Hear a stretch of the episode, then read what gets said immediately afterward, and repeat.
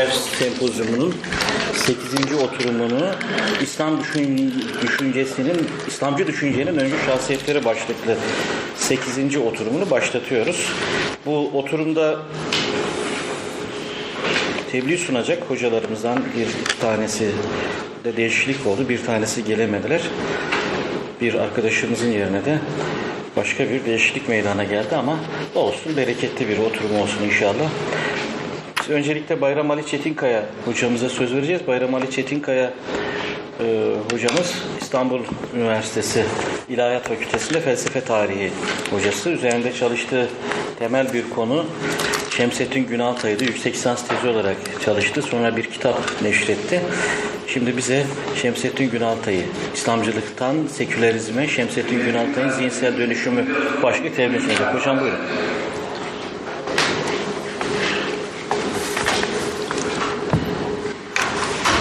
Teşekkür ederim ee, Bilal Hocam, Sayın Başkan, ee, değerli dinleyiciler. Öncelikle İLEM'in e, bu yeni binasında böyle bir sempozyumda konuşmacı olmaktan dolayı, buna fırsat verdiklerinden dolayı kendilerine teşekkür ederim. Şimdi e, tabii e, bu e, meşhur tanzimattan sonraki e, işte ıslah arkasından meşrutiyet dönemleri e, bu süreçleri arkasından Cumhuriyet, Cumhuriyet'in ilanı ve e, e, ar- arkasından gelen e, darbeler dönemi ve İslamcıların işte 2002-2003 yıllarında 15 e, yıldır iktidarda e, olmaları. Tabii çok e, belki e, heyecanlı e, bir e, 100-150 yıllık bir dönem. Bu dönem içerisinde ideolojiler, fikirler, fikir akımları aslında isimleri biraz siyasal partilere dönüşse de pek büyük bir değişiklik olmuyor. Biraz önce bu dönemlerin şahsiyetleriyle ilgili çalışan Kurtuluş Kayalı hocamla da konuşurken onunla da bazı düşüncelerimi paylaştım. Ee, Yani 100 yıl önceki 3 tane, 150 yıl önceki tanzimattan, ıslahattan sonra, ta, e, meşrutiyetten sonra 3 tane ana akım var. Bu akımlara baktığımız zaman temelde İslamcılık, Garpçılık e, ve Türkçülük. Başlangıç evresi itibariyle İslamcılık ve e, Türkçülük birbirine yakın bir çizgide seyrediyor. E, Garpçılar zaten e, muhalif bir tavır içerisinde, İslamcılarla sürekli bir mücadele tavrı içerisinde bugün de olduğu gibi. Ama Cumhuriyet'le birlikte bunlar yerlerini siyasal organizasyonlara, siyasal partilere terk ediyorlar. Yani yine e, Türkçüler var, işte e, MHP var, yine Garpçı işte e, veya işte sosyal demokrat dediğimiz e, CHP, işte İslamcı dediğimiz ana e, şeyleri söyleyeyim yapıları e, AK Parti. E, Burada tabii 100 yıl sonra geldiğimiz noktaya e, baktığımız zaman İslamcılarla Türkçüler Cumhuriyet döneminde biraz ayrışma yaşadılarsa da geldiğimiz son e, 5-10 yıl içerisindeki çizgi İslamcılarla Türkçülerin birbirine yakınlaştığını görmekteyiz. Tabii e, bunu niye söylüyoruz? Çünkü Şemsettin Günaltay bu eki- ekip içerisinde yani İslamcı yani özelliği ne Şemsettin Günaltay'ın? Şemsettin Günaltay e, bizim e, son dönemdeki işte her ne kadar İslamcı olarak ifade edil- edilse de onda Garpçı, e, belki Türkçü ifadeleri pek görmek zorlama olur belki ama nihayetine baktığınız zaman onun üstadının Ziya Gökalp olduğunu görmekteyiz. Ama e, meşrutiyet sonrası sırat-ı müstakim ekibinden olması hasebiyle de bakıyorsunuz ki Mehmet Akif e, onun yazdığı eserlerin başına işte Zulmetten Nur'a o makalelerini topladığı eser arasında ona e, takriz yazıyor ve Mehmet'im diyecek kadar da yakın bir çizgide. E, Tabi ideolojiler ve bu fikir akımları zaman içerisinde büyük değişime adeta mutasyona uğruyorlar. Yani şimdi AK Parti salt siz bir İslamcı mı, Garpçı mı veya Türkçü mü e, Ziya Gökalp üçünü birleştirmede ki Şemsettin Günaltay da bu üçünü birleştirmede Ziya Gökalp'i ta- e, takip etmiştir. E, şu anda yaşadığımız süreç içerisindeki AK Parti'nin geldiği çizgi nereye yerleştirelim? Baskın e, olarak İslamcı karakteri hakim olduğunu söyleyebiliriz. Malumunuz bunlarla ilgili e, sempozyum ismi, ismi İslamcı dergiler olduğu için bu dönemdeki e, dergilere baktığımız zaman e, işte Sırat-ı Müstakim, Beyanul Hak, e, işte Volkan, Ceridi Sufiye, Ceridi İlme, Hikmet daha çok İslamcıların e, kampının yayın organları. Burada e, modernist İslamcılar tırnak içinde kullanıyorum. Bu kavramların bize aidiyetini tartışabiliriz, tartışmak da lazım.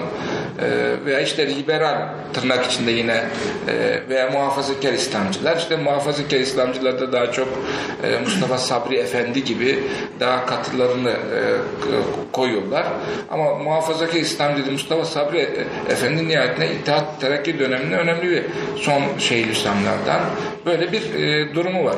Şemsettin Günaltay e, ve işte İzmirli gibi, e, Ferit Kan gibi, işte Mehmet Ali Ayni gibi bunlar aslında bir yabancı dilde Farsça, Arapça, bunun dışında bir Batı dilinde bilen işte Elmalı bir tarafta bildikleri için bunları da daha çok modernist İslamcı e, şeklinde e, tırnak içerisinde tanımlayan, tarif eden e, e, düşünceler var. Ama bunları salt bir kategori içerisinde oturtmamız e, ve onları kodlamamız pek mümkün gözükmemekte. Ama şunu söyleyebiliriz, e, bu e, şey içerisinde e, Şemsettin Günaltay e, ya gelecek olursa vaktimiz sınırlı, e, Sayın Başkan'ın e, neyzen bakışlarına muhatap olmamak için e, Günaltay e, bir Anadolu e, ka- kasabasında doğuyor aslında. E, Erzincan'ın Kemaliye'nin Eyn'de. E, Eyn türküleriyle e, meşhur. Aynı zamanda Günaltay Sivas mebusu o dönemde zannedersem e, Sivas vilayetine bağlı olduğu için e, Bilal hocamız da Sivaslı olduğu için Sivas'ı özellikle ben de 12 yıl orada kaldım belirtmek istiyorum. E, ulema bir aileden geliyor. E, Vefa Lisesi, Darül Muallemil Aliye. Çok ilginç bir şey. O, e, Biz iki asırdır yurt dışına öğrenci gönderiyoruz. Bunu da tartışıyoruz. Artık göndermeyelim.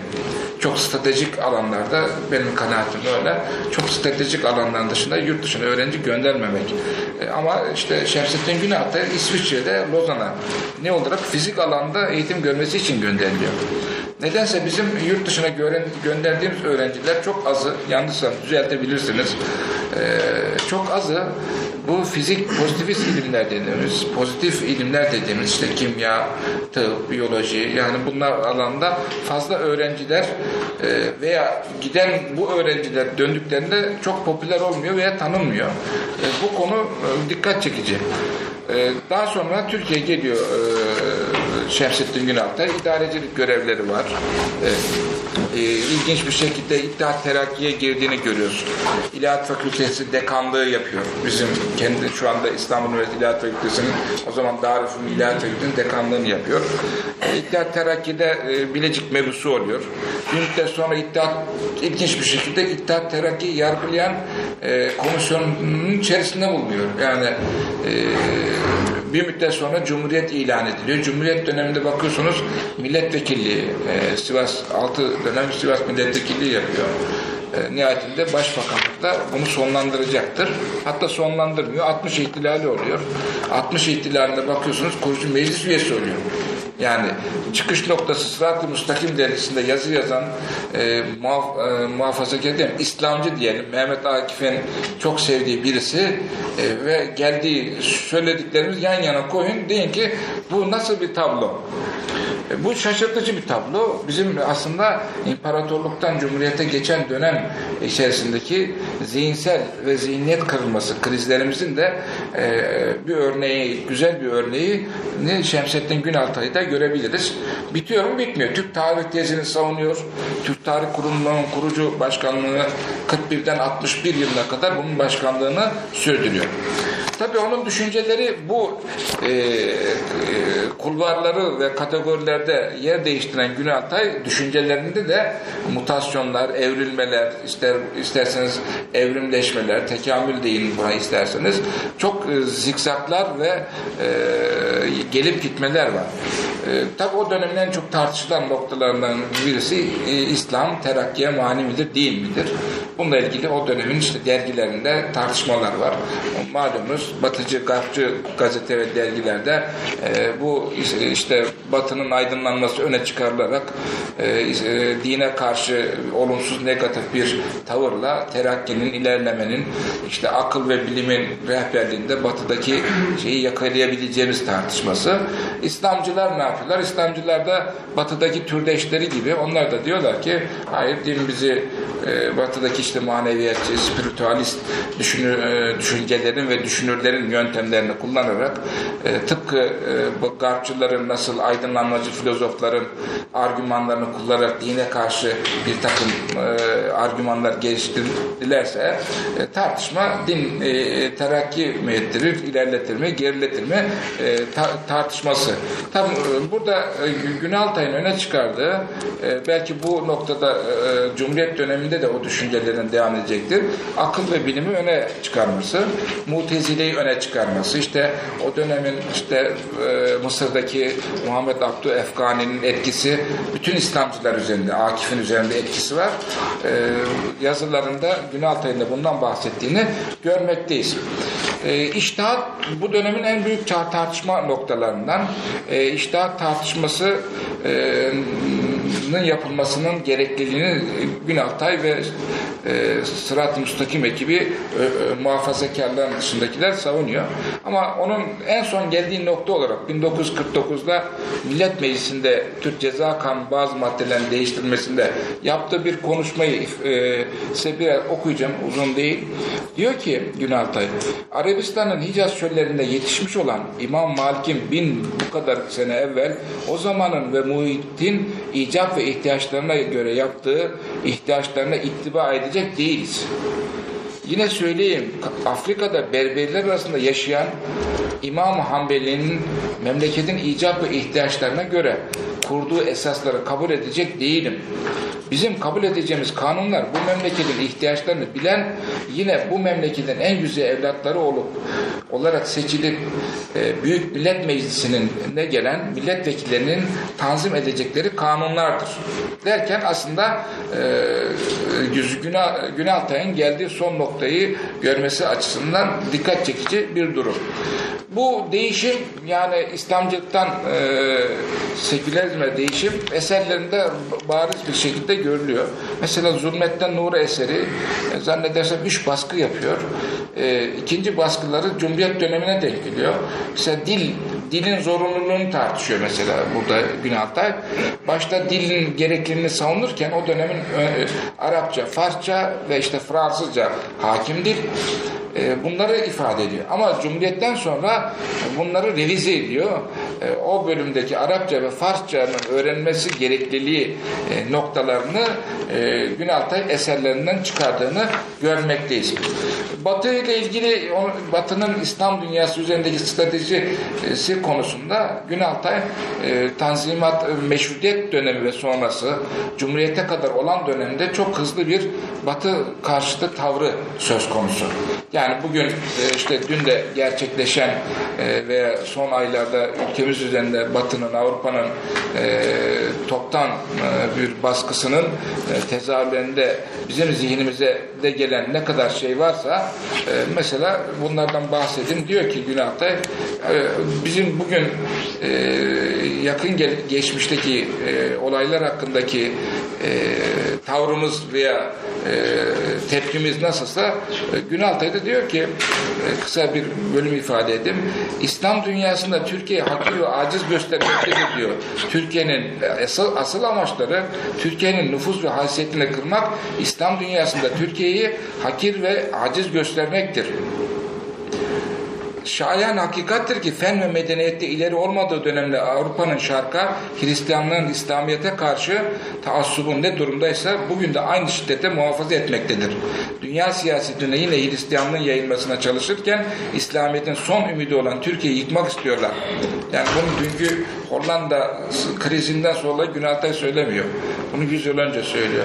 Günaltay'a göre işte bu tartışmalar ekonomik boyunduruktan, ruhumuzu zehirleyen israf ve sabahtan kurtulmamız lazım. Nihayetinde Batı'nın bu tür şeylerine muhatap olmamak için. Vaktimiz nasıl? Yani e, Geçti mi? aslında sorularla açılabilir. Onu Burada yapabiliriz. İstersen kalabilirsin. Burada, yani. burada d- doldurdum. İyi bir yerde kalıyorsun. Hollanda'da kaldın. Evet, oldu. İyi bir Peki, yerde kaldın. sorular olursa Evet, sorular tabii- konuşup tartışabiliriz. Teşekkür ederim. Yani fırsat hemen hemen konuşmanın arkasından Sü- Süleyman Bey güzel bir e, şey uyguladı. Hoş bir tak. Evet. Yani hemen sorular varsa ya da katkılar varsa alabiliriz. Hoca da böylece tamamlayabilir. Birkaç dakika verebiliriz. Buyurun Hüseyin Hocam. Teşekkür ediyorum. Ee, İslamcılar, e, milliyetçiler arasındaki yakınlıktan bahsettiniz. Ve Evet. Son zamanlarda yine böyle bir yaşandı. Cumhuriyet döneminde bu pergel açıldı biraz. Ee, Bana göre tabii bu tartışılır. Aslında son zamanlarda tekrar Tekrar bu yakınlaşma evet. Mesela AK Parti'nin e, e, milliyetçi, MHP'li bürokratlarla belki konjöktür olarak Türkiye'nin yaşadığı krizler buna itti. Ama geldiğimiz ortam olarak durum evet. Evet. Yani bunların teolojik ya da ideolojik olarak bir araya gelip ne geçtiklerini biliyoruz. Böyle bir yaklaşması söz konusu olamayacağını biliyoruz. Acaba kim kime taviz veriyor? Yani İslamcılar mı vazgeçiyor iddialarını yoksa Türkçüler mi vazgeçiyor? Burada ha, evet. Bir sorum daha var. İsterseniz Şimdi burada benim gözlemlediğim kadarıyla e, zaten İslamcılarla e, Türkçülerin bir e, Türkçüleri e, burada Kurtuluş Hocam da var. Biraz e, cümlelerimi korka korka söylüyorum. E, Hocam muhalif tavrından e, beslenmek amacıyla Evet. e, Türkçüleri e, aslında iki ana e, akım var o dönemde. Garpçılar ve İslamcılar. İslamcılar e, yani muhafazakarlar veya işte yenilikçiler deniliyor. İşte Alaturka, Alafranga deniliyor. Yani ama genelde iki batıya açılanlar bir de yerli değerlerimizi koruyarak işte batının bilim ve tekniğini al- alalım diyenler. Bu nasıl olacaksa artık Burada tabii e, İslamcılar e, zaten Türkçülerle beraber durumda. İslamcıların bazı e, şöyle bir şey var. Mesela Ahmet Naim'in e, Babanzade Ahmet Naim'in ırkçılığa karşı bir eseri var mesela burada. E, e, Türkçüler bu esere nasıl bakıyorlar onu bilmiyorum ama e, bu kadar bir İslamcının ırkçılığa karşı bir eser yazdığını görebiliyorsun. Ama İslamcılar genelde bu e, Türkçü, milliyetçi e, şeyi dokuyu çok e, atmadılar üzerinde. Her ne kadar e, Cumhuriyet dönemindeki işte milli görüş geleneği dediğimiz siyasal partiler e, eminim ki e, bu milliyetçi e, Türk milliyetçisi kimliğini muhafaza ettiler. Ha bu e, bilerek mi e, yapıldı bu? Orasını ben net olarak göremiyorum. Çünkü e, eğitim sistemi, e, devletin eğitim politikası hepimizi birer Türk milliyetçisi olarak yetiştirdi zaten. Yani biz şimdi Necip Fazıl Türkçü müydü? Hayır. Ama Necip Fazıl'ın eserlerinde hep Türk kelimesi rahat kullanılıyor. Veya bizim İslamcı dediğimiz işte son dönem, son jenerasyon işte e, Rasim Özdenören, işte İsmet Özel'i pek tartışmak istemiyorum. E, ne bileyim işte diğer e, Sezer Karakoç'ta çok e, baskın bir şekilde yok ama e, AK Parti veya Milli Görüş Geleneği Doğu ve işte Sivas'ın ötesine yaptığı propagandalarda biraz e, İslamcı e, e, dozajı fazla e, şemsiye açıyor. Ümmetçi bir profil e, çiziyor. Ama e, Orta Anadolu'da işte Yozgat'tır, Sivas'tır orada milliyetçi doku veya Akdeniz bölgesi milliyetçi dokuyu biraz daha hatta biraz daha batıya yaklaştığınız zaman daha liberal adaylar göstererek biraz daha e, popülist davranabiliyor. Ama e, kim kime taviz ediyor e, noktasına geldiği zaman aslında ikisi de e, bana göre birbirine konjonktürel olarak muhtaç olduklarından dolayı bu noktaya geliyorlar. Yani şimdi e, Türkiye'nin yaşadığı bu 15 Temmuz belası, musibeti AK Parti'nin bir anda e, tamamen bürokratsız kalmasını sonucunu getirdi. Mu, e, milliyetçilerin o muhalif cengaver tavırları AK, e, AK Parti'nin o politikanın pragmatist tavrıyla örtüştü ve beraber çalışmaya. E, MHP kendi e, yönetici kadrosuyla kendi iktidarlarını yönetimdeki boşluğu, zafiyeti uğra- uğratmamak için AK Parti'nin bu gül ikramına tebessümle karşılık verdi ve o gülü aldı. Yani buradaki ideolojik olarak çok mu birbirlerine karşılar? Pek çok karşıt olduklarını düşünmüyorum. Çünkü sanki biz 100, 100 yıl önceki sanki değil o durumu yaşıyoruz şu anda. Yani Çanakkale Savaşı'ndaki ben onu benzetme yapıyorum. Belki abartılı görebilirsiniz. Çanakkale Savaşı'ndaki durumumuz şu anda biz daha kötü? O zaman Almanlarla e, müttefiktik. Şimdi bir müttefiğimiz yok. Ama ekonomik ve işte askeri güç olarak elbette ki o dönemin daha iyi durumdayız. Onun altını çizmemiz lazım. Burada yani sorunuzda e, birbirlerine e, şartlar o, o duruma getiriyor. Çok ideolojik olarak da çok da e, birbirine karşıt değiller diye düşünüyorum. Buyurun, buyurun lütfen. Vaktimiz var. Yani ben yine cevabınızdan İslamcıların daha çok para izlediği sonucunu çıkardım. Yani biraz toparlamaya çalıştınız ama önemli değil. Sorun ikinci Evet, İ- İ- İslamcılar e, şu anda e, MHP'nin, MHP'li e, kurtların, bozkurtların şeyine, o dinamizmine muhtaç. Yani 15 Temmuz'daki sokaktaki hareketleri gördüğünüz zaman yani AK Parti, ama burada şunu demek istemiyorum. İslamcılar şey yani pasiftir, edilgendir o anlamda demek istemiyorum. Ama Beka- e, beka e, meselesi. beka meselesi, meselesi olduğu için ülkenin bekası bu konuda hatta burada şeyi de ayırmıyorum. Ben alanlarda sadece İslamcılar da ülkücülerin olduğunu iddia etmiyorum. Gerçekten vatanı milleti seven sosyal demokrat, Marksistler, ateistler onlar da var.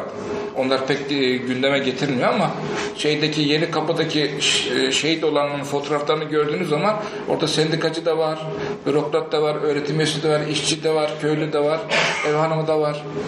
Yani orada şehit olanlar zaten tabloyu veriyor. Orada sadece İslamcılar şehit olmadı. Sadece e, ülkücüler şehit olmadı. Orada sosyal demokratlar da, CHP'lisi de, işte Marksisti de, ateisti de bu mücadele içerisinde oldular yani. Direkt olarak e, Şemsettin Güler'le ilgili olarak sormak istiyorum. Şamcı bir kökeninden gelmiş olabilir ama 1948'de yaptığı isimce biraz önce aktardığınız konuşmasında onu hala İslamcı olarak değerlendirmekte Mehmet Akif'in yakın arkadaşı olarak göstermek için çok tutarlı bir yaklaşım. Evet. Bu soru yani e, benim de kendime sorduğum bir soru. Hatta bu soruyla ilgili e, şeyle de e, tak, ta- e, müzakere ettik Mehmet Aydın hocayla. O tabii konuşmasında rahmetli işte Şemsettin Günaltay böyle ifadeler kullanınca Şemsettin Günaltay'ın şu yönünü de söylememiz lazım. Yani e, bilimsel objektif bir. İmam Hatip okullarını kuran insan Şemsettin Günaltay. İki dönem, e, iki yıl başbakanlığı 17 ay. Tek parti döneminin öyle bir makalede İslamcı başbakanı diye yazmıştım. İslamcıyı tırnak içinde yazıyordum. Belki o sizin sorunuzun kaygısının zihnimde bıraktığı etkiye dayanarak. Ee, e, bu dönemde İnönü İslamcı bir ilahiyat hocasını yani CHP'nin düşünün ki e, CHP'nin e, başına bir tane ilahiyat hocası, ilahiyat e, profesörü Yaşar Nuri Yaşar Nuri Öztürk milletvekili oldu. Ben başbakandan bahsediyorum. Başbakan yani hükümetin başındaki adamdan bahsediyorum. Yani İnönü niye böyle bir adamı e, başbakan yaptı? Yani çok üstün meziyetleri e, vardı ki baş elbette bir takım özellikleri vardı ama onun İslamcı şeyinden e, yararlanmak durumundaydı. Çünkü tek parti dönemi can çekişmeli durumdaydı. Dünyanın konjonktür baskısı vardı. Özgürlükler olması gerekiyordu. Burada Günaltay e, e, ilk ilahiyat fakültesini e, yani niçin kurdu, neden kurdu, niyet sorgulamasına girmeden kuran insandır. Onun tartışmaları var. Metinde ben onun üzerinden bahsettim. Mesela CHP'nin 1947 7. kurultayı vardır. CHP din politikasını belirler. Ben meclis e, tutanaklarının hepsini çıkardım. Yani bugün AK Partili milletvekilleri mecliste 1947'de CHP'nin milletvekiline yaptığı konuşmayı yapamazlar. Yani abarttığımı düşünmeyin. Gerçekten bununla ilgili yazdıklarım var. Oraya müracaat edebilirsiniz. Yani temellendirerek söylüyorum. O, öyle değil mi o Kurtuluş Hocam? Hocam ben bilemem. Evet. Ho- Hoca, hoca bir şey demiyor. Dinliyor yani. Çok iyi dinleyici yani. Hocam ama şey değil yani konuşma tarzınıza baktım yani olağanüstü e, rahat konuşuyorsunuz. Bu dekanlıktan sonra geldi bu şey. Kurucu dekan hocam bir de. CHP'nin başına gelebilir diyorsun. Aha. Yani e, günceli değerlendirme konusunda mı? Yok. Konuş- Özgüvenli. Konuşuş tarzı. Ha. Yani inşallah desteksiz konuşmuyorum. Yok Ha. şey Ha. Tamam. Şey, Ha, evet. Yani burada temel nokta dediğim şey e, nokta e, çünkü bu dönemleri özellikle ben Tanzimat Meşrut dönemi çalıştığım için e, ve onların olayları orada gördüğünüz tartışılan konuları aynı şekilde gördüğünüz zaman diyorsun ki sanki biz olayları taze yaşıyoruz. Yani aynı olayları, aynı şeyleri biraz önce okudum. Bir örnek verebilir misiniz? Mesela hangi konuda mesela çok üstün çıkışları var? CHP'nin. CHP'nin mi? CHP'nin Ha diyorlar ki e, ilahiyat yüksek öğretim, din öğretimi konusunda e, kur- kurumun açılması lazım. Halkın baskısı var. İşte hep ifade ediyorlar ya e, artık köylerde cenaze yıkayacak kimse kalmadı.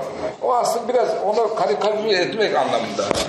Yani CHP işte köylerde cenaze yıkayacak kimse kalmadı. Onun baskısıyla İmam Hatip okullarını açtı ilahiyat. Buna ben inanmıyorum. Esas fotoğrafın o arka kısmı önemli. Yani e, CHP bunu e, İlahiyat Fakültesi hocasını başbakan yaptı ve onun şeyle e, hani bir zaman şey söyledi ya e, Kılıçdaroğlu İmam Hatip okullarını ilahiyatları biz açtık. Gerçekten onlar açtılar yani. Yani burada tabii niçin açtılar, neden açtılar, aydın din adamı ya önemli olan değil yani. Gerçekten CHP açtı. Bakmayın e, rahmetli Erbakan buna e, sahipleniyordu veya işte AK Parti bu dönemde gerçi onlar da hepsi bunların kurumsallaşması, kalite nitelikli olması, onların di- diğer üniversitelere girmesinde Erbakan'ın da milli görüş çizgisinde AK Parti'nin de hatta şimdi artık nereye de girebilecekler? İşte harp okullarına yani girebilecekler. Bu geçilen dönemler açısından önemli ama o tartışmalar e, me- metinlerde var. E, biraz belki daha daraltılmış ama müstakil olarak kitaplarda belirttim Şemsettin Günaltay ile ilgili makalelerde de belirttim. Teşekkür ederim. Hocam, Başkanımız hocam biz, biz çok teşekkür ediyoruz. Ee, yani Bayram Ali Hoca İslamcıların liberal, modernist İslamcılarla ilgili çalışmalar yaptı. İzmirli ile alakalı da e, bir çalışma yaptı. E, bu çalışmalardan okunur. Makalesi de oldukça geniş bir makale yazmış. Yayınlandığı zaman değerli top- toplu okunma imkanı var. E, şimdi biz kaldığımız yerden devam ediyoruz. Güzel oldu, verimli oldu. Çok teşekkür ediyorum. E, genç bir ilim adamımız Ercan Şen e, 1981 Samsun doğumlu. Genç diyeyim değil mi yani? Uygundur.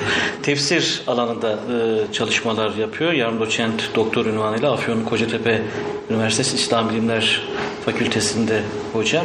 1960 öncesi yayımlanan İslamcı dergilerde Kur'an çevirileri etrafında yapılan tartışmaların serencamı Sevilü Reşat ve İslam dergisi örneği başlıklı tebliğ sunacak. Buyurun Ercan Bey. Teşekkür ederim hocam. Ee, Herkese saygıyla, sevgiyle selamlıyorum. Ee, tebliğimizde genel olarak e, Tanzimat döneminde kısmen e, başlayan Türkçe tefsir ve Kur'an çeviri geleneğini e, bir süre sonra ulusçuluk ve milliyetçilik dalgasının da tesiriyle ikinci meşrutiyet döneminde e, bir mesele olarak ortaya çıkması, bu meselenin Cumhuriyet dönemine tevarüsüyle birlikte e, dinde reform talepleriyle birlikte e, çeşitlenmesi, dalgalanması konusunu inşallah e, ele alacağız. Tabii bu bizim çalışmamız daha çok Sebil Reşat ve İslam dergileri bağlamında olacak. E, 1945-65 dönemleri arası e, daha çok ele almaya çalıştım. E, dergiler hakkında kısaca e, bilgi vermek gerekirse Sebil Reşat hakkında e, bayağı bir bilgi verildi. Onun için burayı kısa keseceğim. Sadece ben Sebil Reşat dergisinin ikinci dönemi olarak adlandırabileceğimiz e, 1948-1966 e, dönemini e, ele almaya çalıştım. Bu döneme baktığımız zaman daha çok yazarları arasında e, Eşref Edip, e, Ahmet Kamil Miras, Hasan Basri Çantay, Raif Ogan, Ömer Rıza Doğru, Ali Fuat Başgil, Yusuf Çağlı gibi e, isimleri görüyoruz. Bu dönemi daha çok yazılarıyla ön plana çıkan isimler olarak. Ee, İslam dergisine baktığımız zaman İslam dergisi de yine e, o dönemin e, İslamcı dergilerinden bir tanesi. Fikir çizgisi olarak Sebil Reşat'la hemen hemen aynı. E, bu dergi daha çok 1956 ve 65 arasında e, aralıksız olarak e, yayınlanıyor. Aylık bir dergi olarak toplamda 96 yıl, e, 90 affedersiniz 96 sayı e, oluyor. Bir dönem kapanıyor. Yine 1976'da tekrar yayınlanmaya başlıyor. Bir yıl e, 12 sayı olarak çıkıyor. Daha sonra kapanıyor. Derginin e, konularına bakarsak genel olarak e, Kur'an tefsiri ve hadis incelemeleri daha fazla ağırlıkta. Yine derginin e, yer verdiği konular arasında dinde reform tartışmaları var. Onlara verilen cevaplar var. Ee, yazar kadrosuna baktığımızda İslam dergisinde daha çok e, yüksek, e, yüksek İslam enstitülerinde görev alan genç hocaları görüyoruz. Yine Diyanet Teşkilatı'nda yer alan e, tecrübeli isimler, örnek vermek gerekirse işte Lütfü Doğan, İsmail Cerrahoğlu hala yaşıyor, Allah selamet versin, Süleyman Ateş hocamız, Asım Köksal, Aslan Basri Çantay gibi e, isimleri e, yazarlar arasında görüyoruz bu derginin. Ee, bu girişten sonra e, dergilerde Kur'an çevirileri ya da, ya da Kur'an tercümeleri nasıl ele alınmış e, bu konuya birazcık temas etmek istiyorum. Bakıldığında e, dergiler genel olarak e, Kur'an çevirilerine eleştirel bir e, yaklaşımda bulunuyorlar.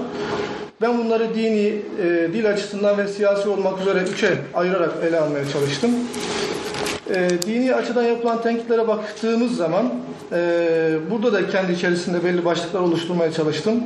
Mesela e, en önemli e, tenkitlerden bir tanesi Kur'an ne hiçbir dile Türkçe de çevrilemez, hiçbir de dile de e, tam olarak tercüme edilemez. Dolayısıyla bu konuda e, dikkatli olunması gerektiği, yani bu işi yapmaya çalışan, tercüme etmek e, noktasında e, pek çok özellik taşıması gerektiğini e, söylüyor e, tenkitler açısından. Daha sonra e, Kur'an'ı tercüme etmek ve bu tercümeye Kur'an adını vermek e, durumunun çok veballi bir iş olduğunu söylüyorlar genel olarak. Çünkü o dönemlerde e, Türkçe Kur'an tartışmaları var, dinde reform tartışmaları var, e, ana dilde ibadet meselesi var. Dolayısıyla bütün bu konular aslında birbiriyle bağlantılı. Yine e, üçüncü bir tenkit olarak dini e, açıdan Kur'an tercümesinin ibadette Arapça aslan diğerine asla e, ikame edilemeyeceği e, özellikle vurgulanıyor.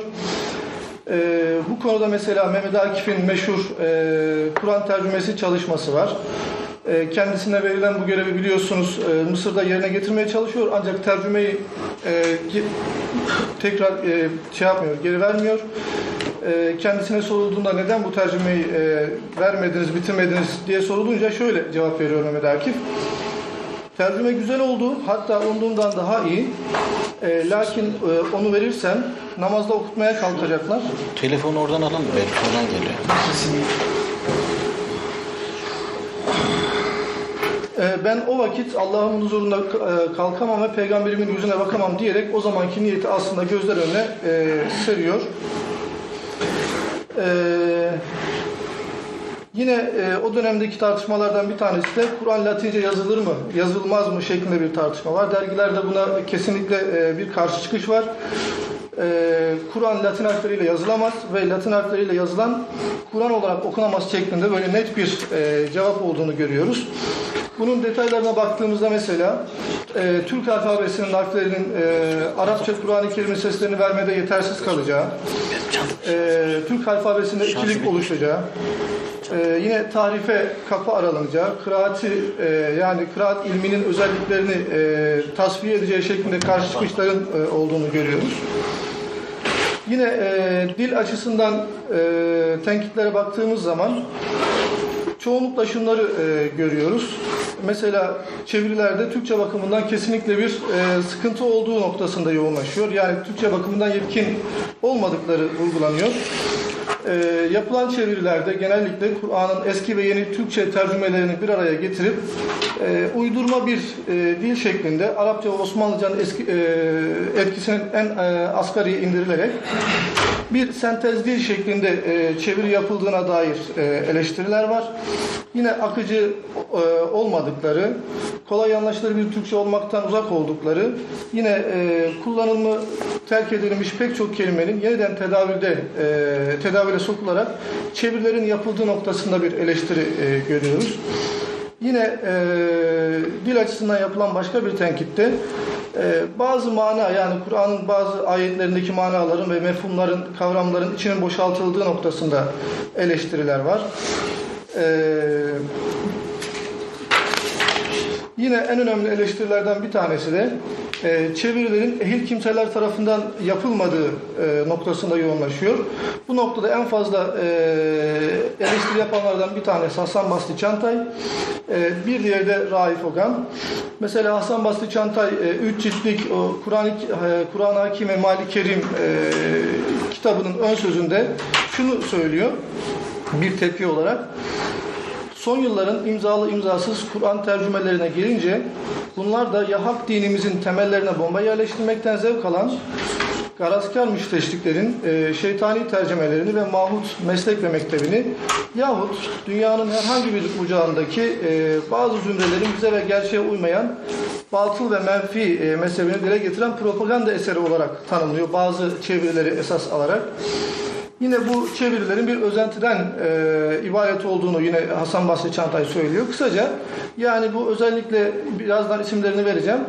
Bu dönemde 50-60 arasında e, yapılan tercümelerde devşirme bir tercüme anlayışının daha çok ön planda olduğunu söylüyor. E, bakıldığında işte Fransızcadan, Almancadan, İngilizceden işte mütercimin Arapça bilmemesinden dolayı bazı tercümelerin piyasaya sunulduğunu açık açık söylüyor. E, tenkitlerin yoğunlaştığı diğer e, üçüncü nokta siyasi açıdan yapılan e, tenkitler var.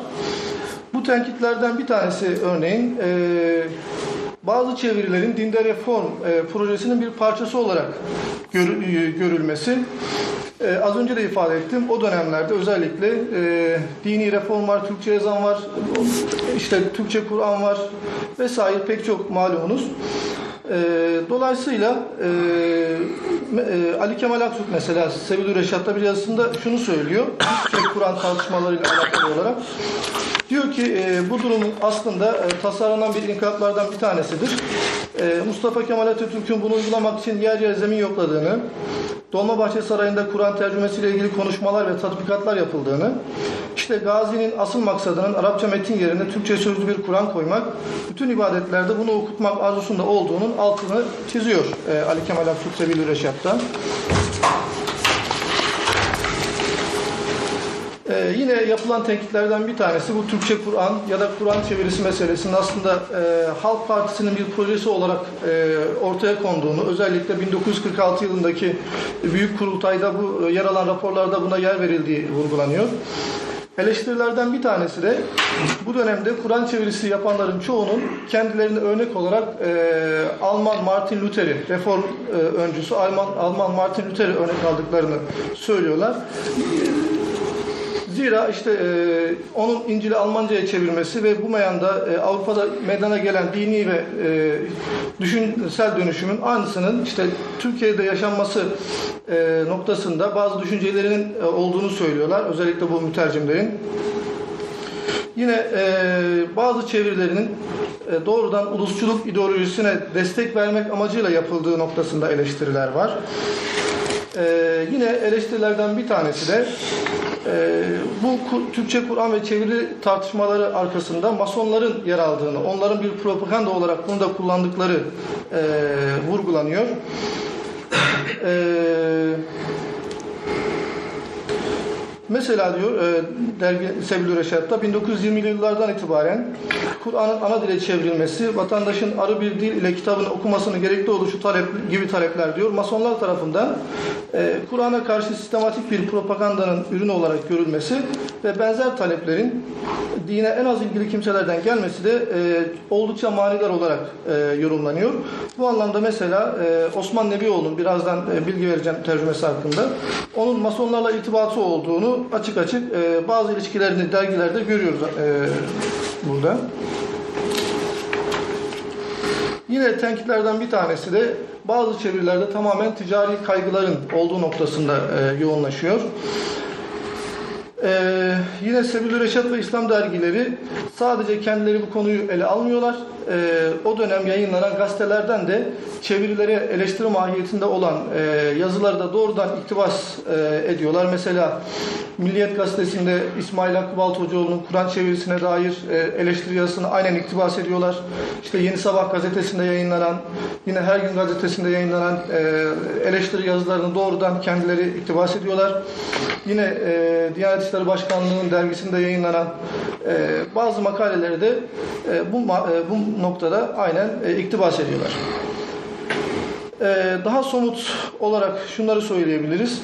Dergilerde sık sık adı geçen, e, tenkit, eleştiri mahiyetinde adı geçen e, bazı çevirilerden bahsetmek gerekirse, bir tanesi Hacı Murat e, Sertoğlu adında e, bir mütercim ve çevirisinin adı İslam'ın Mukaddes Kitabı Kur'an-ı Kerim Türkçe çeviri ve tefsiri. Sebilü Reşat'ta bu tefsire, e, bu affedersiniz tercümeye dönük pek çok e, eleştiri var.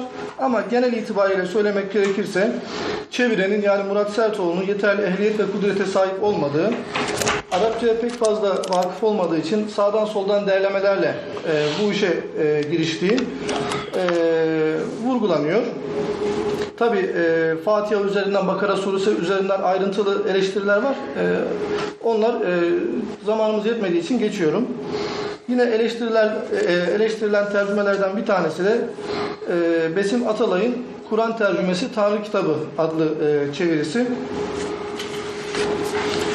E, burada da özellikle Raif Oga'nın e, bu tercümeye dönük ya bir yazı dizisi halinde eleştirilerini görüyoruz.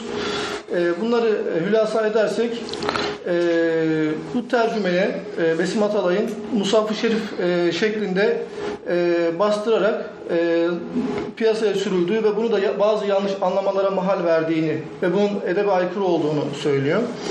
Yine tercümeye doğrudan Kur'an-ı Kerim adını vermenin yanlışlığına vurgu yapıyor ve e, bazı kelimelerin sırf Türkçe karşılığını bulmak kaygısıyla anlaşılmaz, pek fazla kullanılmayan bazı kelime ve terkiplerin kullanılmasını e, eleştiriyor. Ee, yine e, Osman Nebioğlu var e, bu dönemde çeviri yapan. E, çevirisinin adı da Türkçe Kur'an-ı Kerim. E, bu Kur'an-ı Kerim'e e, bu te- e, çeviriye en fazla eleştiri yine Hasan Basri Çantay'dan geliyor. E, en temel husus eleştirilen husus yine çevirinin baştan savma yapıldığı ve Arapça bilme işi hususunda e, ön plana çıkıyor.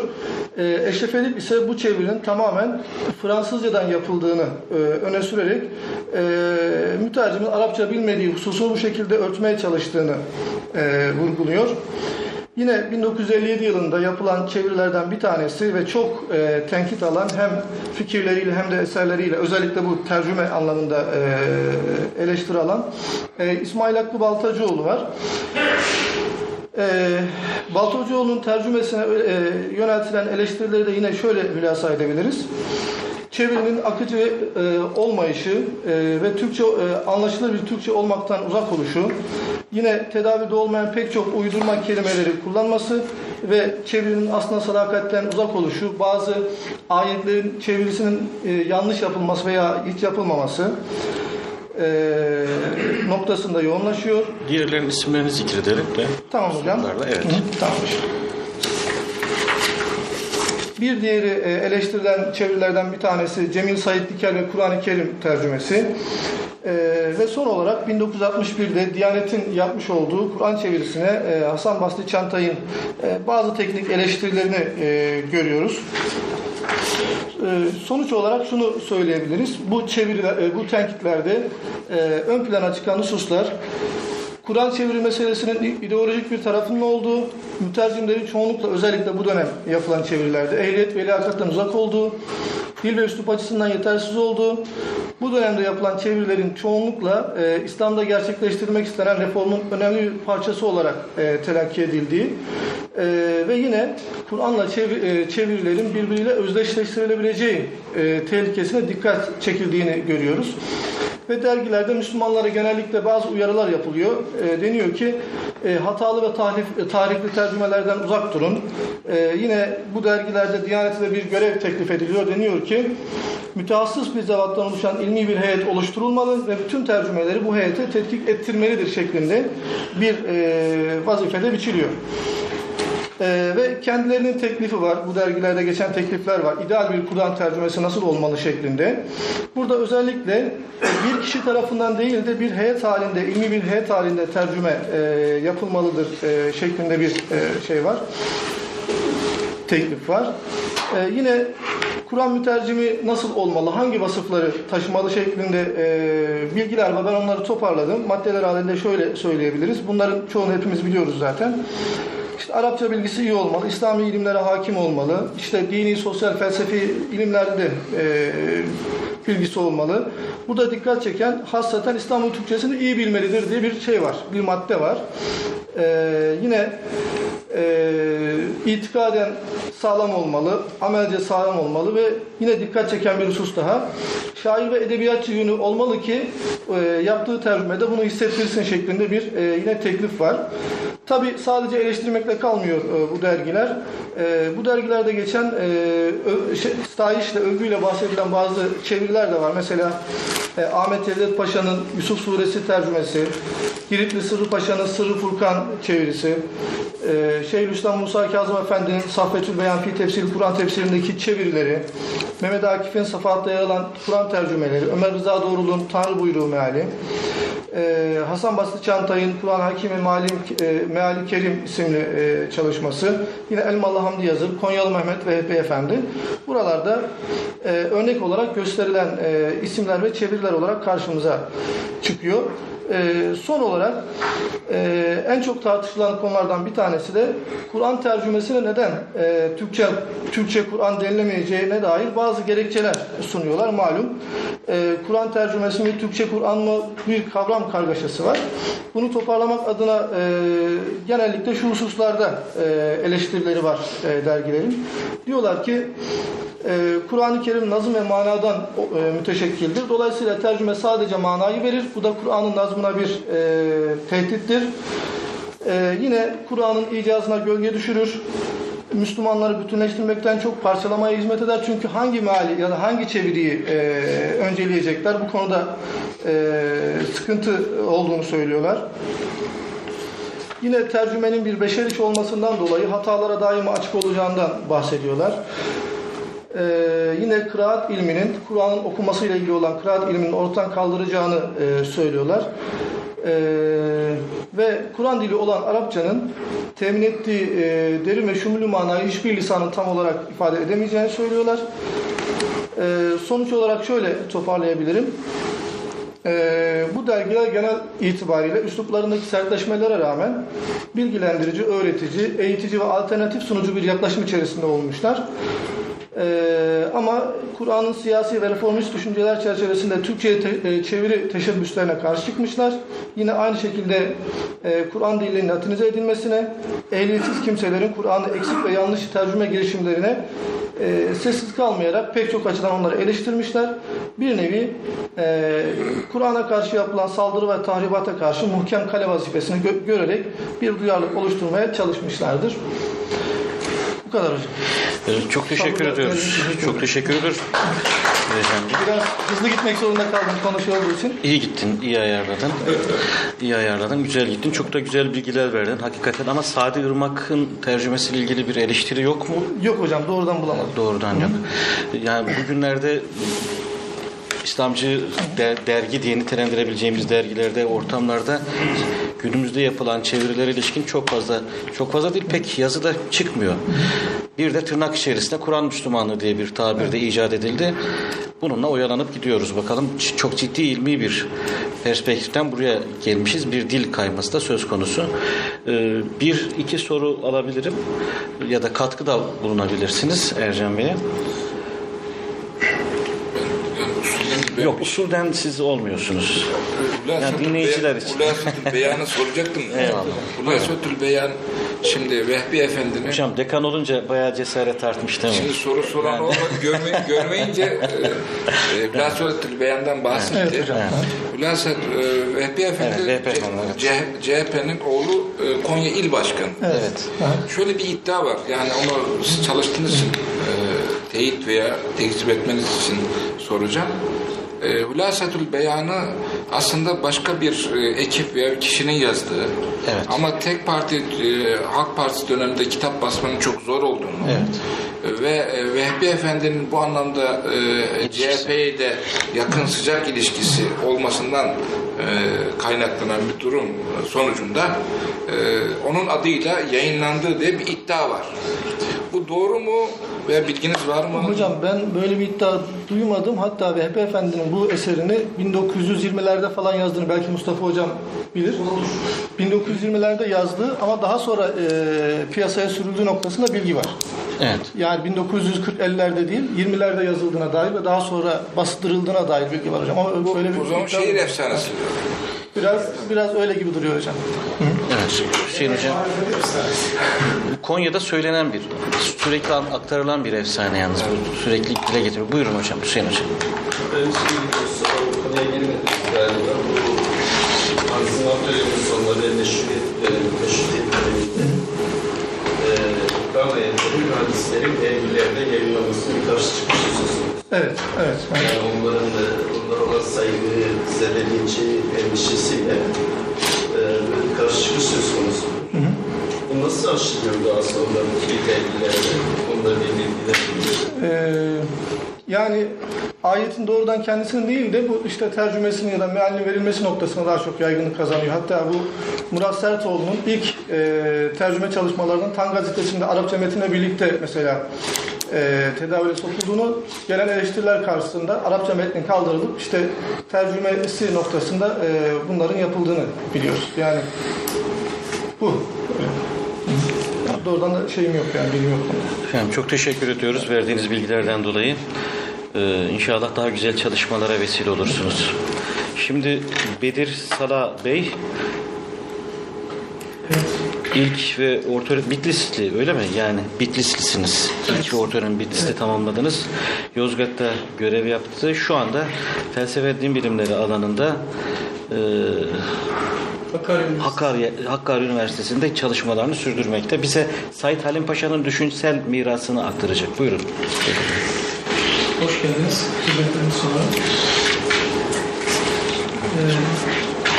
Ee, Sayın Halim Paşa'nın düşünsel şey- mirası e, aynı Şey, zamanda aslında sosyoloji.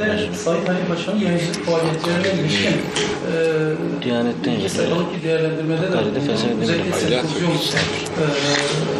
konusu bağlamında. Ee, tabii Said Halim e, aslında iki gündür tartışıyoruz. Ee, İslamcılığı özellikle devletler üzerinde tartışıyoruz. Ee, bu e, Said Halim Paşa'nın o tartıştığımız e, konular içerisinde e, bağlamını kurabileceğimiz yönleri de var ancak kendine has e, bir yandan nevi şahsına münhasır bir e, düşünsel e, perspektif aslında bir e, düşünsel mirası da söz konusu.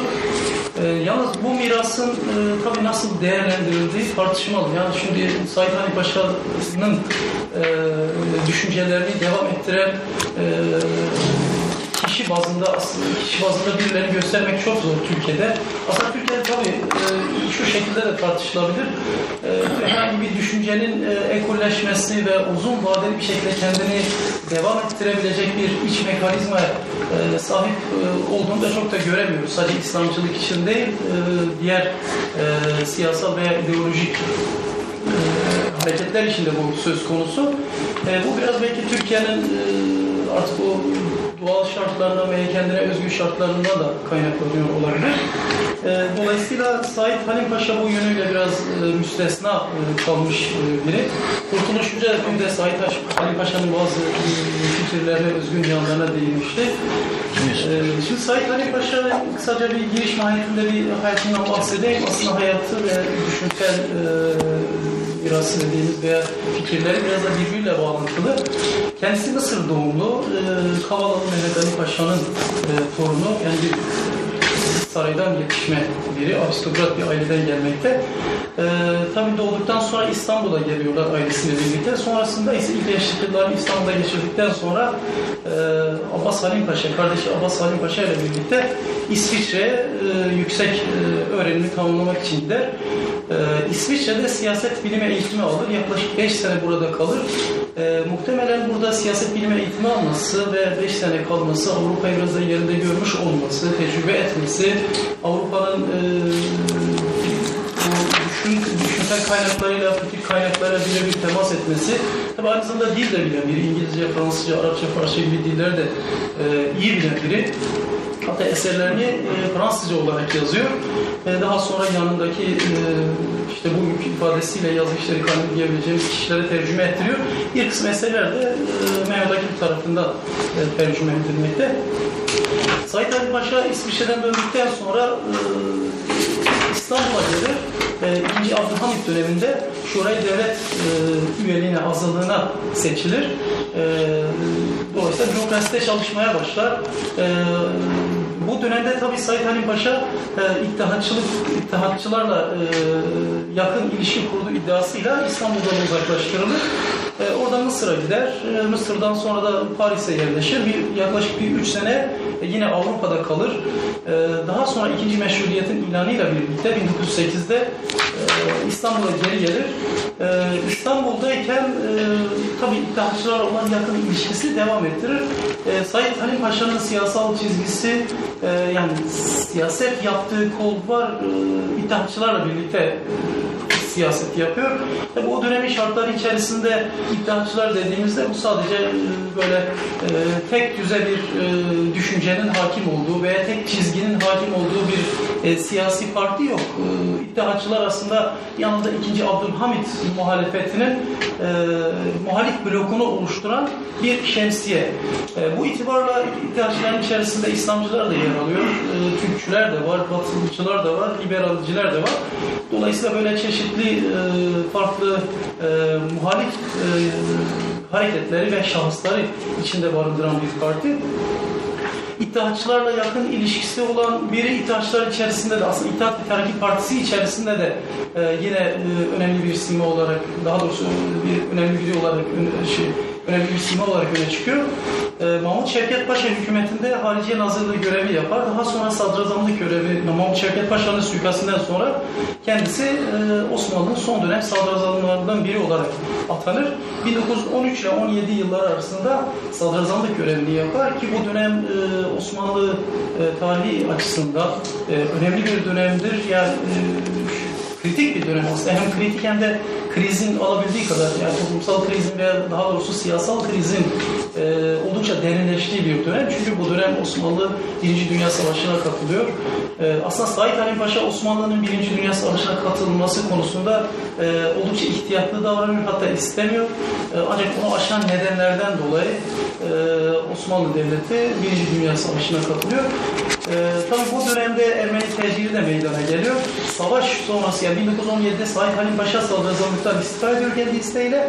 1918'de de e, Divan Harbi Örfü kuruluyor. E, burada Said Halim Paşa da yargılanıyor diğer e, iddiatçılar gibi veya o dönemin yöneticileri gibi ve Malta'ya sürgün ediliyor. E, Malta'da bir süre kalıyor. E, tabii iki sene sonra. Daha sonra İstanbul'a dönecek ancak İstanbul'a dönmesine izin verilmiyor.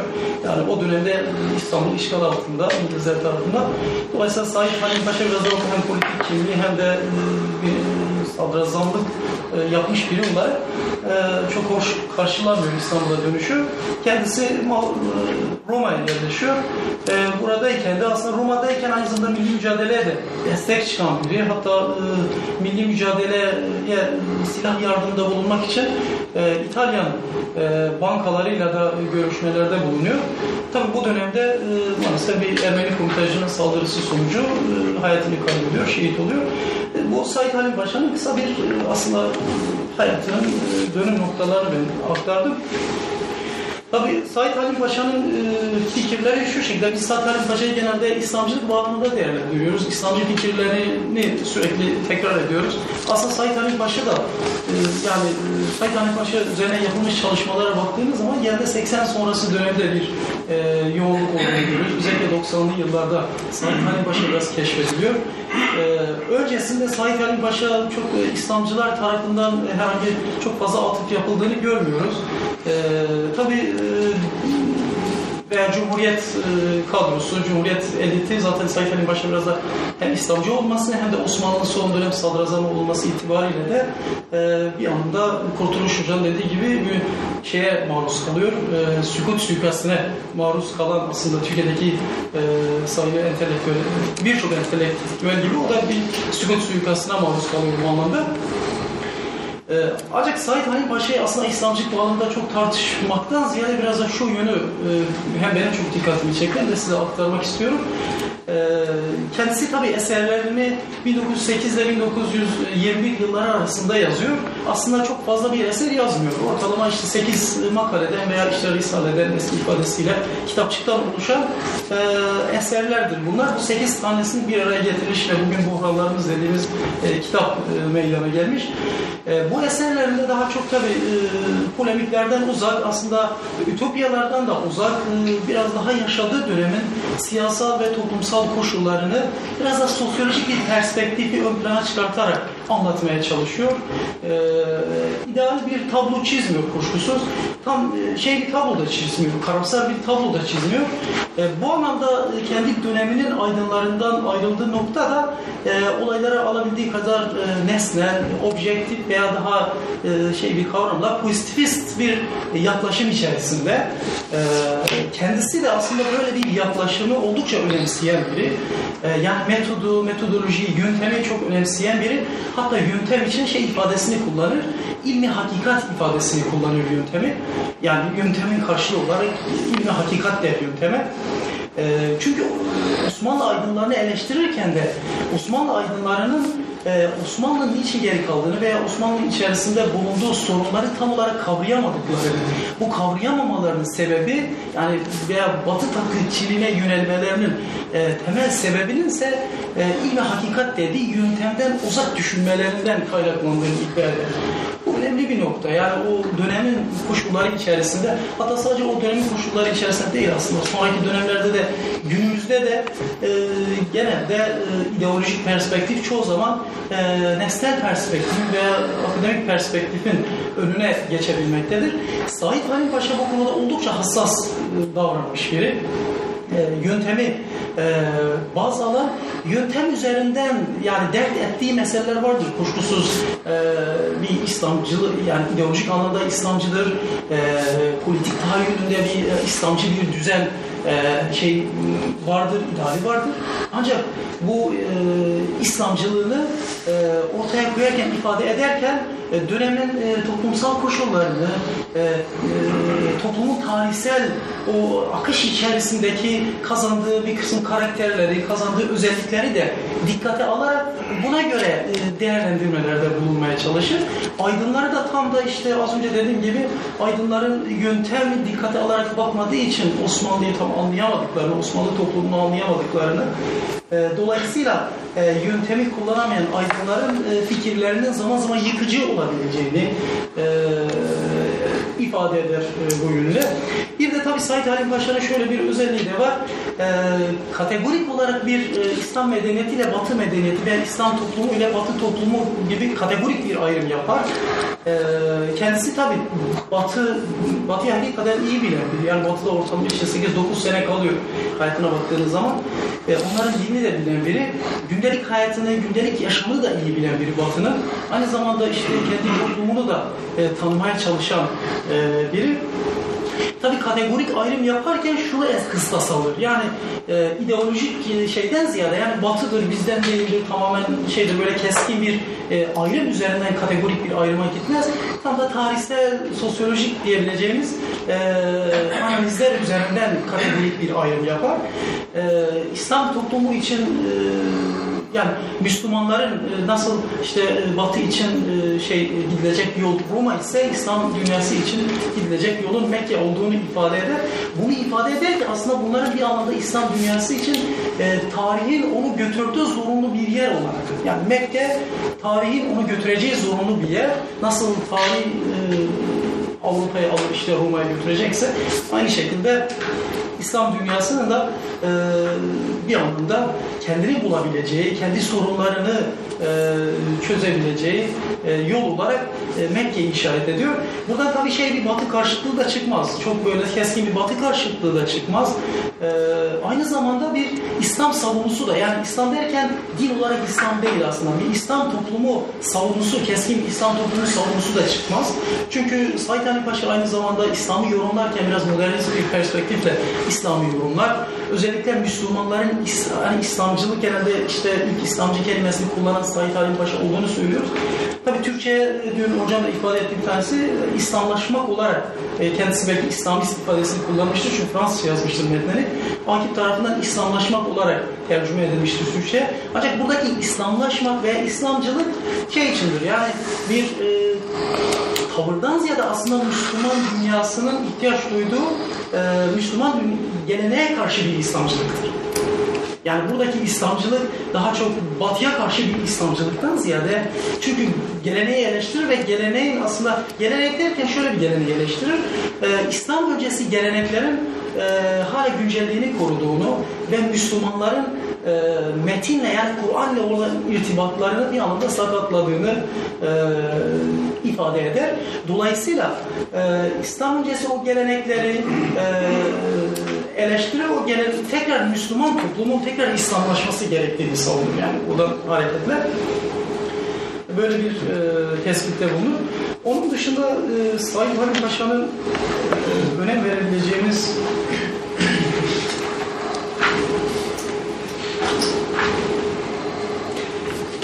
bir de şöyle önemli bir nokta var e, değinmem gereken. Hani İttihat ve Terakki'nin iktisat politikalarına baktığınız zaman e, Osmanlı'nın kalkınabilmesi için bir burjuva sınıfı e, yaratılması gerektiği iddiası vardı. Bu tabii Cumhuriyet'e de devrediyor bu düşünce. E, bildiğiniz gibi İzmir İktisat Kongresi'nde e, bir burjuva sınıfının oluşturulması gerektiği e, şey öne sürülüyor ve aslında Cumhuriyet döneminin ilk dönem iktisat politikaları tamamen bir burjuva sınıfı oluşturmaya dönüktür. Devlet bu e, böyle bir iktisat politikası takip ediyor. Bunda amaç da şeydir. E, çünkü Batı'nın e, gelişmesi, Batı'yı bugünkü muazzam hale dönüştüren, Batı'yı dönüştüren e, sınıfın burjuva sınıfı olduğu e, burjuva sınıfıdır. Burjuva sınıfının o girişimci ruhudur. Said Ali Paşa da bunu kabul eder. Ancak e, Batı'yı bugünkü hale dönüştüren e, burjuva girişimci ruhunun bizde olmadığını, bizde aslında memur sınıfının bu işi devralmaya çalıştığını ancak memur sınıfının kendinden kaynaklanan yani memuriyetin e, karakterinden kaynaklanan nedenlerden dolayı e, bunu başarmasının çok da mümkün olmadığını e, vurgular. Bu anlamda şeye de bir eleştiri getirir. Yani modernleştiricilere de e, tepeden ilmeci modernleştiricilere de bir eleştiri getirir.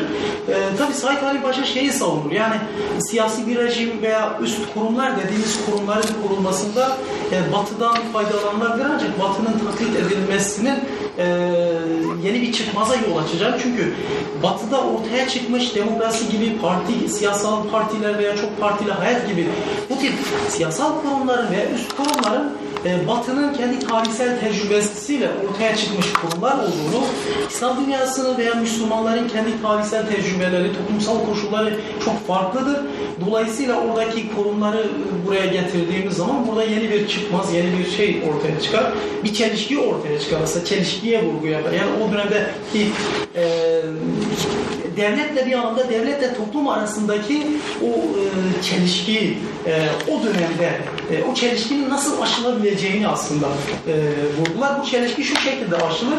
Yani üst kurumların e, ancak bu toplumun e, kendi tarihsel tecrübelerle veya bu toplumun daha doğrusu ihtiyaçları. Çünkü kurum ve üst kurumlarla toplumsal ihtiyaçlar arasında doğrusal bir ilişki görür. Yani batıda da o kurumların ortaya çıkması tamamen e, batı toplumunun ihtiyaçlarına binaen ortaya çıkmıştır. Dolayısıyla İslam dünyasının ve İslam toplumlarının ihtiyaçlarının iyi tespit edilmesi, o ihtiyaçları karşılayacak e, mahiyette e, kurumların oluşturulması gerektiğini iddia eder. Bu anlamda da şeye çok farklı hayata mesafelidir. Aslında e, çok farklı hayat ondan sonra batıdaki o e, şey bir alanda ulus devlet mantığı veya işte e, belki demokrasi de diyebilirsiniz buna dahil e, olacak şekilde. E, buna şu şekilde bir karşı çıkar. Bedir Bey şey yapalım, toparlayalım, e, sorularla açalım. Evet. E tamam o zaman ben nasıl tutayım? Yok söyleyin söyleyin o son cümlenizi söyleyin. Önemli o son cümle önemli. Ee, tabii bir eleştiri getirir sosyal dayanışma kavramını öne çıkartır. Yani Müslüman toplumların e, temel karakterinin aslında e, temel kara- şey e, içkin o temel karakterlerine içkin bir sosyal dayanışma duygusu olduğunu, bu sosyal dayanışmaya uygun bir siyasal düzenin inşa edilmesi gerektiğini, o toplum devlet arasındaki çelişkinin, çatışmanın da ancak bu şekilde e, aşılabileceği tespitinde bulunur. Teşekkür ederim. Sorular yine devam edelim. Çok çok teşekkür ediyoruz. Verimli, güzel bir şey sundunuz, tebliğ sundunuz. Bitmeyen bir şey tabii. Bir- Hepsini birden anlatmak mümkün olmuyor ama sorular ve katkılar olabilir. Hocam buyurun lütfen. Gayet güzel e, formüle ettiniz de ben merak ettiğim bir şey var arkadaş. E, Sayın Paşa hakkında Türkiye'de yazılanlar içinde e, olumlu bir değerlendirmeden olumsuz bir değerlendirmeye doğru seyrediyor gibi bir kanaatim var. Doğrusu veya yanlıştır bilemem. Bu kanaat doğruysa, yani bu sadece kendini muhafazakar, İslamcı olarak nitelenenlerde değil, sözlü olarak nitelenenlerde de var. Mı? Böyle, böyle bu kanaat doğruysa, bu kanaatin nedeni ne olabilir? Buyurun buyurun lütfen. Tabii. Hocam böyle bir kanat Said Halim Paşa ile ilgili tabii ben açıkçası böyle çok e, olumsuz yazan bir şey pek rastlamadım daha doğrusu. Ancak şöyle bir şey olabilir. E, Said Halim Paşa aslında çok da İslamcıların böyle çok rahat bir şekilde eline alabileceği, sahiplenebileceği biri değil. Zaman zaman konjüktürel anlamda İslamcılar şimdi Said Halim Paşa'yı sahiplendiği zaman e, bir anlamda e, kendi pratikleriyle Said Halim Paşa'nın ürettiği o teoriyle çelişki içerisine düşeceklerdir. Böyle bir e, şey bir durum söz konusu. E, onun dışında solcuların Said Halim Paşa'ya yönelik eleştirisini tam olarak açıkçası bilemiyorum ancak Said Halim Paşa döneminde özellikle popüler kültürde Said Halim Paşa biliyorsunuz Birinci Dünya Savaşı döneminde sadrazamlık yapmıştır. Ermeni tecirinin gerçekleştiği dönemdedir ve aslında Ermeni tecirinden dolayı suçlandığında da kendisi e, şey bir cevap verir. Yani e, Osmanlı'nın aslında kendi e, vatandaşlarını bir yerden güvenlik amacıyla bir yerden bir yere yine kendi toprağına nakletmesi olarak bu esnada bazı sıkıntılar yaşanmış olabilir, güvenlik zafiyeti yaşanmış olabilir. Böyle bir e, şey açıklama getirir. Bilmiyorum belki bundan dolayı e, çok em- eleştiriliyor da olabilir. Denk gelmedi. Ama dediğim gibi özellikle İslamcılar bağlamında baktığınız zaman yani az önce dedim işte çok partili hayattır, ondan sonra batı değerleridir, demokrasidir bu gibi şeylere yönelik eleştirel bir tavrı vardır. Bütünler reddetme değil ama eleştirel bir tarafı vardır. E, Dolayısıyla eleştirel bu tavrını güncelleştirdiğimiz zaman, Müslüman İslamcılar güncelleştirdiği zaman ister istemez bazı noktalarda çelişkiye de düşebilirler. Ee, böyle riskli bir durum. Belki bundan dolayı olabilir. Evet. Vahdettin Hocam buyurun. Ben de teşekkür ediyorum sayın konuşmacıya. Yalnız iki şey düşmek zorundayım. Bir şey yakından çalışan birisi olarak. Bence e, Bedir Bey'in bahsettiği şeyde e, iki şeyin tasih edilmesi lazım. E, bunu bir eleştiri olarak, yapıcı bir eleştiri olarak algılamasını isterim. Birincisi, Sayın Ali Paşa'nın bütünlüklü fotoğrafını maalesef çok iyi bilmiyoruz. Çünkü e, Bedir Bey'in de bahsettiği gibi elimizde birkaç tane risale var. Oysa benim bizzat gördüğüm Sayın Ali Paşa'nın 33 tane risalesi var. Doğrudan kendi el yazısıyla ve daktilo metinleriyle oluşturdu. Ama yayınlanmadı. Ne- neşredilmemiş, tamam. İnşallah onu yayınlayacağız Allah'a Eyvallah, güzel. Evet evet. Yani sadece Türk Edebiyatı Dergisi'nde Mehmet Uyan Bey kendisi bahsetti. Zaten metinde kendisinde. O fotoğraf bütünlüğünü bir kere görmediğimiz için doğal olarak değerlendirmelerimizde bir eksiklik var. İkincisi gördüğümüz metinlerin de tamamı sadeleştirilmiş metinler. Ha, o da o da ayrıca bir problem. Dolayısıyla değerlendirmelerde bunların derin etkisi var. Yani ben bizzat metinleri karşılaştırmalı okumuş birisi olarak söylüyorum. Ee, çok iyi niyetle yapılmış çalışmalar olduğunda şüphe yok. Ama her sadeleştirme takdir ederseniz ki bir tefsir, bir yorumdur. Aslında biraz da çevrenin, sadeleştiren kendi metnidir yani. Dolayısıyla o değerlendirmelerde bunun etkisi var. Mesela bunun yol açtığı sorunlardan bir tanesi e, Ali Paşa'nın durduğu yer hem batıcı modernleşmeye ilişkin bir şerh e, koymak hem de e, olduğu gibi İslam kaynaklarıyla doğrudan irtibatı zayıflamış gelenekçiliğe ilişkin bir şerhtir. Çünkü mevcut İnhitat e, onu gerileme olarak şu anda yayınlıyorlar. Maalesef gerileme olarak e, kavramlaştırmanın yanlış bir kavramlaştırma olduğunu düşünüyorlar. İnhitat halini aslında bu iki e, durumun bir neticesi olarak e, ortaya çıktığını ve bir yenilenme, bir tecdidi ihtiyaç olduğunu söylüyor. İlginç bir şeydir. Mesela Bedir Bey onun bir anlamda İslami modernist bir tutum sergilediğini Evet. ama Said Ali Paşa tam tersine modernist paradigmanın iki temel sacayağını oluşturan bilgi sistemlerinin, örneğin sosyal bilimlerin Müslümanların sorunlarını anlamaya ve çözmeye asla katkıda bulunamayacağını, bizim İslami fıkıh geleneğini yeniden İhya etmek. Evet, ihya etmemiz halinde ancak bunun altından kalkabileceğimizi söylüyor bir bilgi paradigmasında. İkincisi olarak batılı kurumlaşmaların tarihi zaten o da bahsedildi burada. Ee, yani kendi tarihi tecrübesine sosyolojik bağlamının neticesi olduğunu ve buraya transfer edilmesini asla bizim sorunlarımızı çözemeyeceğini söylüyor. Bu anlamda Said Ali Paşa doğrudan doğru İslamcıdır. İslamcının en yetkin temsilcilerinden birisidir. Bunun hem dönemindeki ilişkileri hem yayınları gösteriyor. Ben altın sonrası İslamcılığın kaynaklarla irtibatının zayıflığından dolayı Said Ali Paşa ile irtibat kurmakta zorlandığını, artı Türkiye'deki hakim modernist paradigmanın Said Ali Paşa gibi insanların unutulmasına bir e, hocamın da ifadesiyle bir suikast, yani sui, sessizce bir, evet, bir e, kast mahsusa ile bunu Evet. yaptıklarını düşünüyorum. Çok çok çok güzel oldu hocam. Çok teşekkür ediyoruz. Yani o risalelerin yayınlanacağını söylemeniz de ayrıca bir avantaj.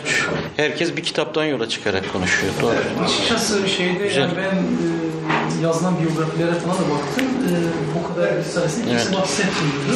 İşte Mehmet Ünal Bey'in Evet. Edebiyatı dergisinde bir genel bir yazısı var. O Evet. zaten eserler onda. Yani benim kendi yakın arkadaşımdır. Ee, yurt dışına çıkarken tevafuken bizim haberimiz oldu ve öyle konmuş oldu. Şevket ve bu ailesindeymiş bu eserler. Ee, Öyle elhamdülillah burada kalmasını sağladık. Şimdi henüz çalışma yapılmış değil ama yapacağız İşte inşallah. yani oturumun bereketli şeylerinden birisi oldu. Gerçekten. Buyurun, Hocam bir de buyurun. Şöyle bir durum var. Metinleri sadeleştirme dediniz. Doğru. Sadeleştirmeler Evet. üzerinden biz Paşa'yı konuştuk. Aslında o sadeleştirdiğimizde yine bir tercüme sadeleştirmesi. Aynen öyle. Said Ali Paşa bizzat Fransızca yazmış bütün metinlerini. Evet. Yani elimizde bunlar bunların 28 tanesi Fransızca, Tabii. 5 tanesi de Osmanlı Türkçesiyle bizzat el yazısı. Kendi el yazısı. Evet, kendi el yazısı kendi metinleri. böyle bir şey var. Ha bir de e, bu İslami modernist mevzusu dediniz ya ben Said Paşa'yı İslami modernist olarak nitelendirdim. Geleneğe karşı böyle bir tavrı var. Bu anlamda İslam, modernist İslamcılarla paralel bir e, yere düşebilir. Yani geleneğe bir eleştirisi. Bu şey değildir. Aslında İslam'ı öz olarak Tabii, bir bakın, tabii, tabii. vermiş olur. E, getiriyor. Söz bir anlamda yani tamamen Şey, tam konular da aktardım gibi bir anlamda bir eleştirisi Evet. söz konusu.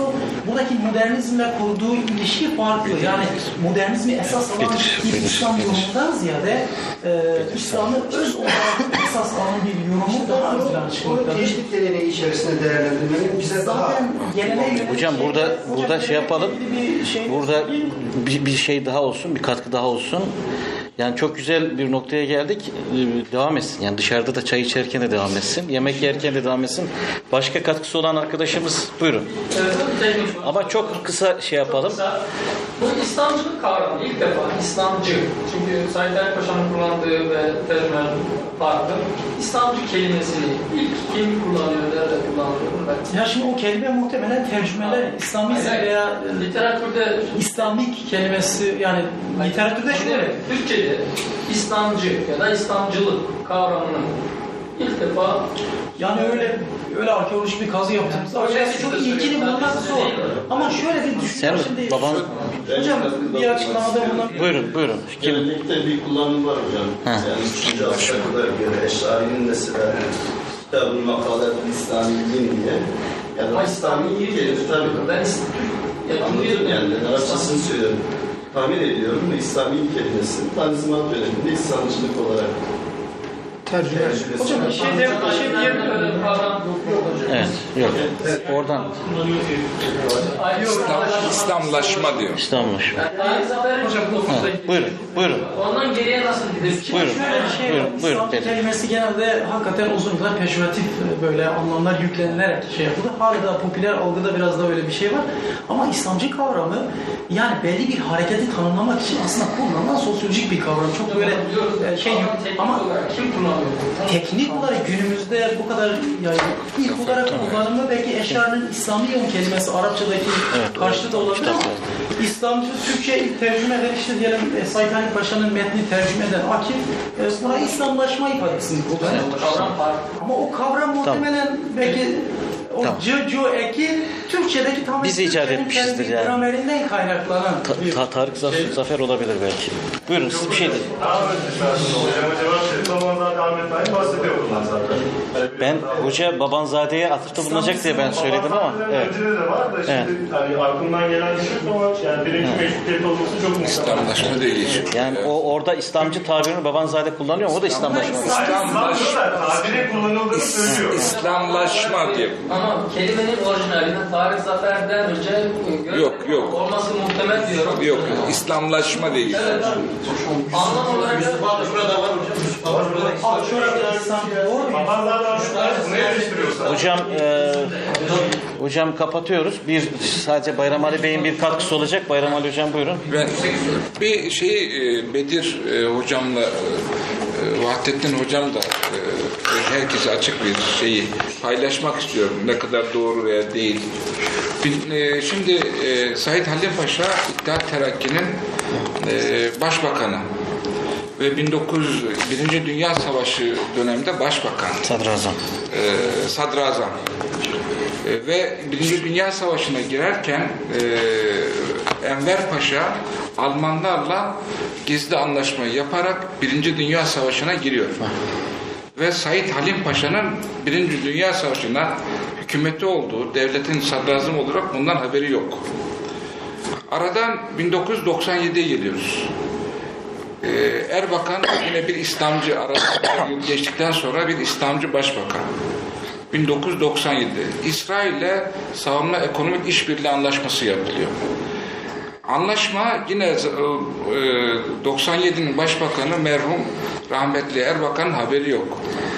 E, Genelkurmay ikinci başkanı Çevik bir yapıyor anlaşmayı. Bu ikisi arasında ben bir e, korelasyon görüyorum. Ne dersiniz buna? Hocam şöyle Çok mu abartılı buluyorum? Yok. Anakronizme düşünüyorum? Aslında şu şey önemli. Yani Said Halim Paşa'nın İttihat ve Terakki içerisindeki yeri burada önemli olmakta. Ben tamam İttihat Terakki ile ciddi anlamda yakın bir ilişkisi vardır ancak İttihat Terakki'yi e, yönlendiren, İttihat Terakki'nin beyin takımı diyebileceğimiz e, kişiler içerisinde çok da olduğunu zannetmiyorum. Yok onu sormuyorum ben. Ama oraya geleceğim. Şöyle Birinci Dünya Savaşı'na girişi doğru sonradan haber alıyor. Hatta gemilerin e, Karadeniz'de Rus limanlarını bombalaması sonrası Said Halim Paşa e, istifade etmek istiyor. Ancak o dönemin yönetimi e, yani etrafındaki arkadaşlara izin vermiyor. E, dolayısıyla biraz da o ittihatçı kadro içerisinde e, dominant bir etkiye sahip olduğunu söylemek çok zor. Olmadığı için de ondan habersiz böyle şeyler gerçekleşmiştir. Gelelim rahmetli Necmet Erbakan'ın dönemine de o dönemde de aslında kendisi başbakan ancak esas ülkenin esas politikalarına yön veren e, konumunda olduğunu söylemek biraz zor değil aslında. E, dolayısıyla belki bu anlamda bir bağlantı kurulabilir. Evet. Biraz. Peki çok teşekkür ediyoruz. Yani soru sormak esastır. Sorular kalsın. Sorular soralım. Cevapları buluruz inşallah. Ben burada oturumu kapatmak istiyorum ama ne verecektik? Sertifika vereceğiz. Eyvallah. Çok teşekkür ediyoruz. Verimli, heyecanlı bir oturum oldu. Hepinize teşekkür ediyoruz.